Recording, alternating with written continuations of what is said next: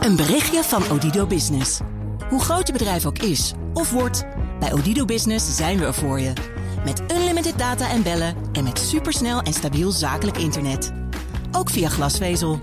Ontdek wat er allemaal kan op odido.nl/slash business. Het kan ook zo. Ik ben even aan het voelen, jongens. Want het schijnt dat ik mijn hoofdsteun vaak niet goed heb staan. Veiligheid voor alles, hè. Eh, dit lijkt verstelbaar, maar ik vind geen knopje. En hij kan ook niet elektrisch. Nou ja, goed, zal. Ehm, we gaan het hebben over technologie. En dan kan ik een hele cijferbrei over jullie uitgooien.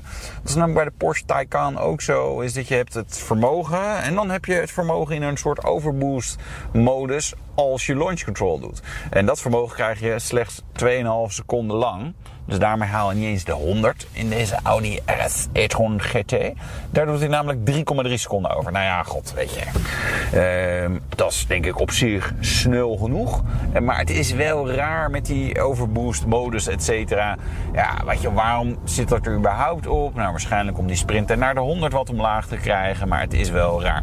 In die overboost modus heeft de Audi RS e-tron GT.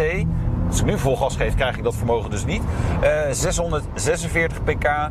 Normaal gesproken blijft het een beetje behelpen met 598 paardjes die het allemaal moeten voortsleuren, dit gewicht. Inclusief mijzelf. Ik ben ook niet de lichtste in Nederland. Ook niet de zwaarste, hoop ik. Ehm, en ah, 830 Nm kop. Dat is natuurlijk wel zo. Als ik nu gewoon zo rij. Natuurlijk onder de eh, maximum snelheid van 130. Nou, Oké. Als ik zo vol gas geef, dan is het ook echt, die versnelling is instant. Dat is en blijft het mooie van een elektrische auto. Ehm, maar goed, die verschillende eh, pk's worden gecommuniceerd. Dat is wel een beetje vermoeiend. In de normale e-tron GT heeft hij een overboost 530 pk. Eh, en zonder overboost ietsje minder dus. Ehm. Is het allemaal genoeg? Ja, het is echt, weet je, het zijn natuurlijk gewoon echt hele snelle auto's. Topsnelheid, ja, begrensd voor de normale e-tron GT 245. De RS e-tron GT mag maar liefst 250 km per uur. Eh, dus daarin zie je ook dat Porsche dan nog net eventjes ietsje harder mag. Die mag 260. Het is overigens niet zo mega relevant voor een elektrische auto hoe hard die uiteindelijk echt kan. Want het punt is, die accu gaat gewoon veel te snel leeg dan. Ehm, voordeel is wel, Audi e-tron GT en de Porsche Taycan kunnen echt heel snel laden.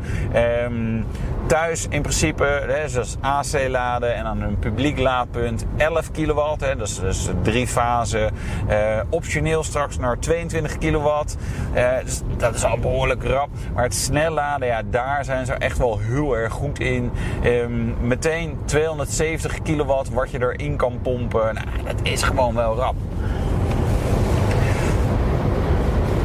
Ja, en dan los van die absurde acceleratiewaarde, is dit een RS-waardige auto? En die badge moet natuurlijk wel waar worden gemaakt. Nou, ehm, ja, meer dan dat. Hè, Want je herinnert misschien ook wel Audi RS Q8 en de RS6. Ja, het gaat vooral heel hard rechtdoor en heel hard de hoek om. Maar er gebeurt eigenlijk bijna nooit wat spectaculairs. En dan moet je echt op een groot ijsmeer. En dan gaat hij misschien een beetje oversturen en zo. Maar mm, dat is behoorlijk braaf afgesteld. Dit, ja, is natuurlijk in de basis natuurlijk ook wel weer een soort Porsche. Dus er gaat behoorlijk veel power naar achteren.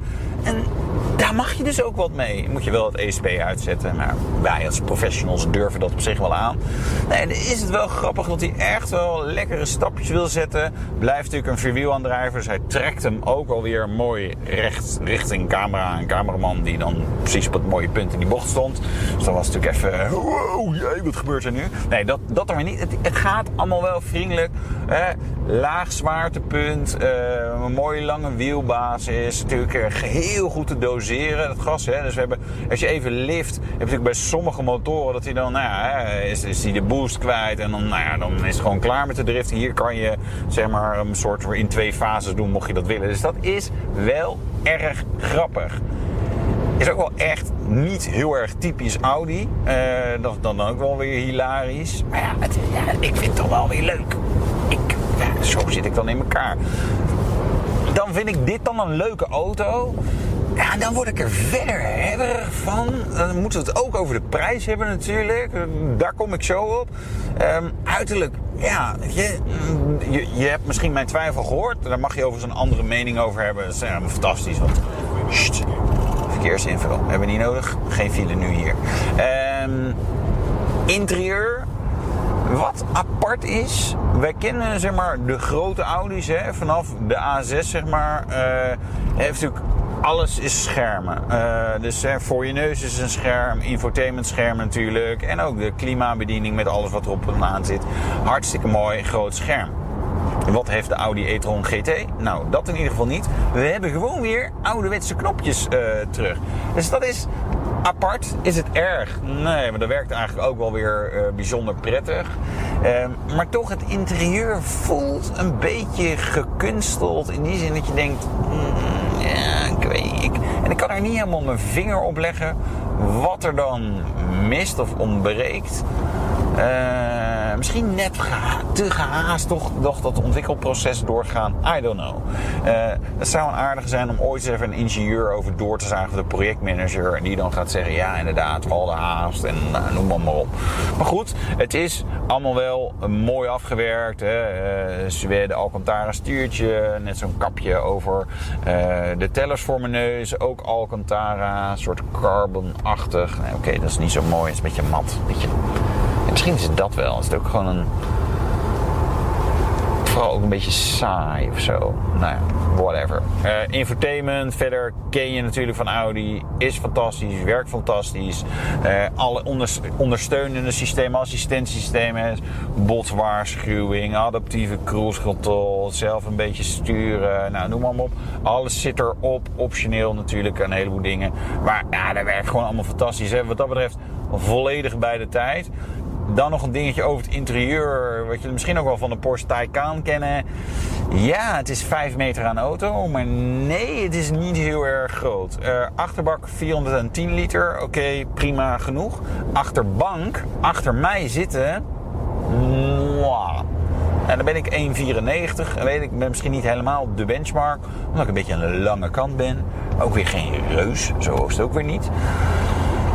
Maar dat het is, het is geen vervanger voor je Audi A8. En eigenlijk ook al niet voor je Audi A6. Uh, en dan kom je wel een beetje op het punt dat je denkt, waar is het dan wel een vervanger voor? Nou, dat weet niemand.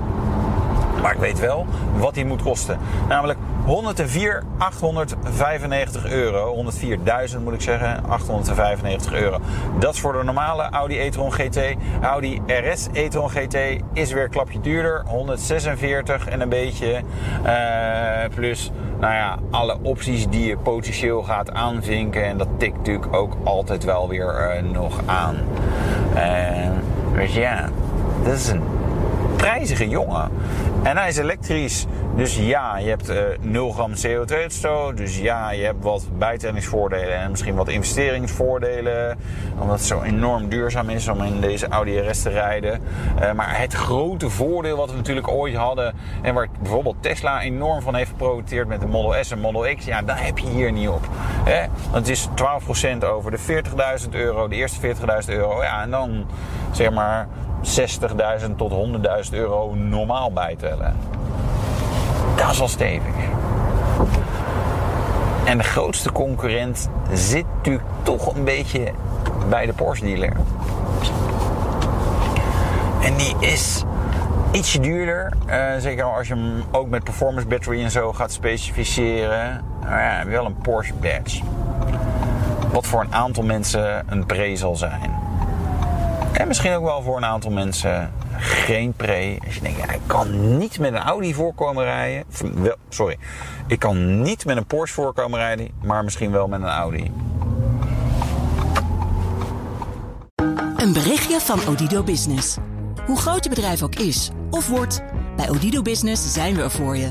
Met unlimited data en bellen en met supersnel en stabiel zakelijk internet. Ook via glasvezel. Ontdek wat er allemaal kan op odido.nl/slash business. Het kan ook zo.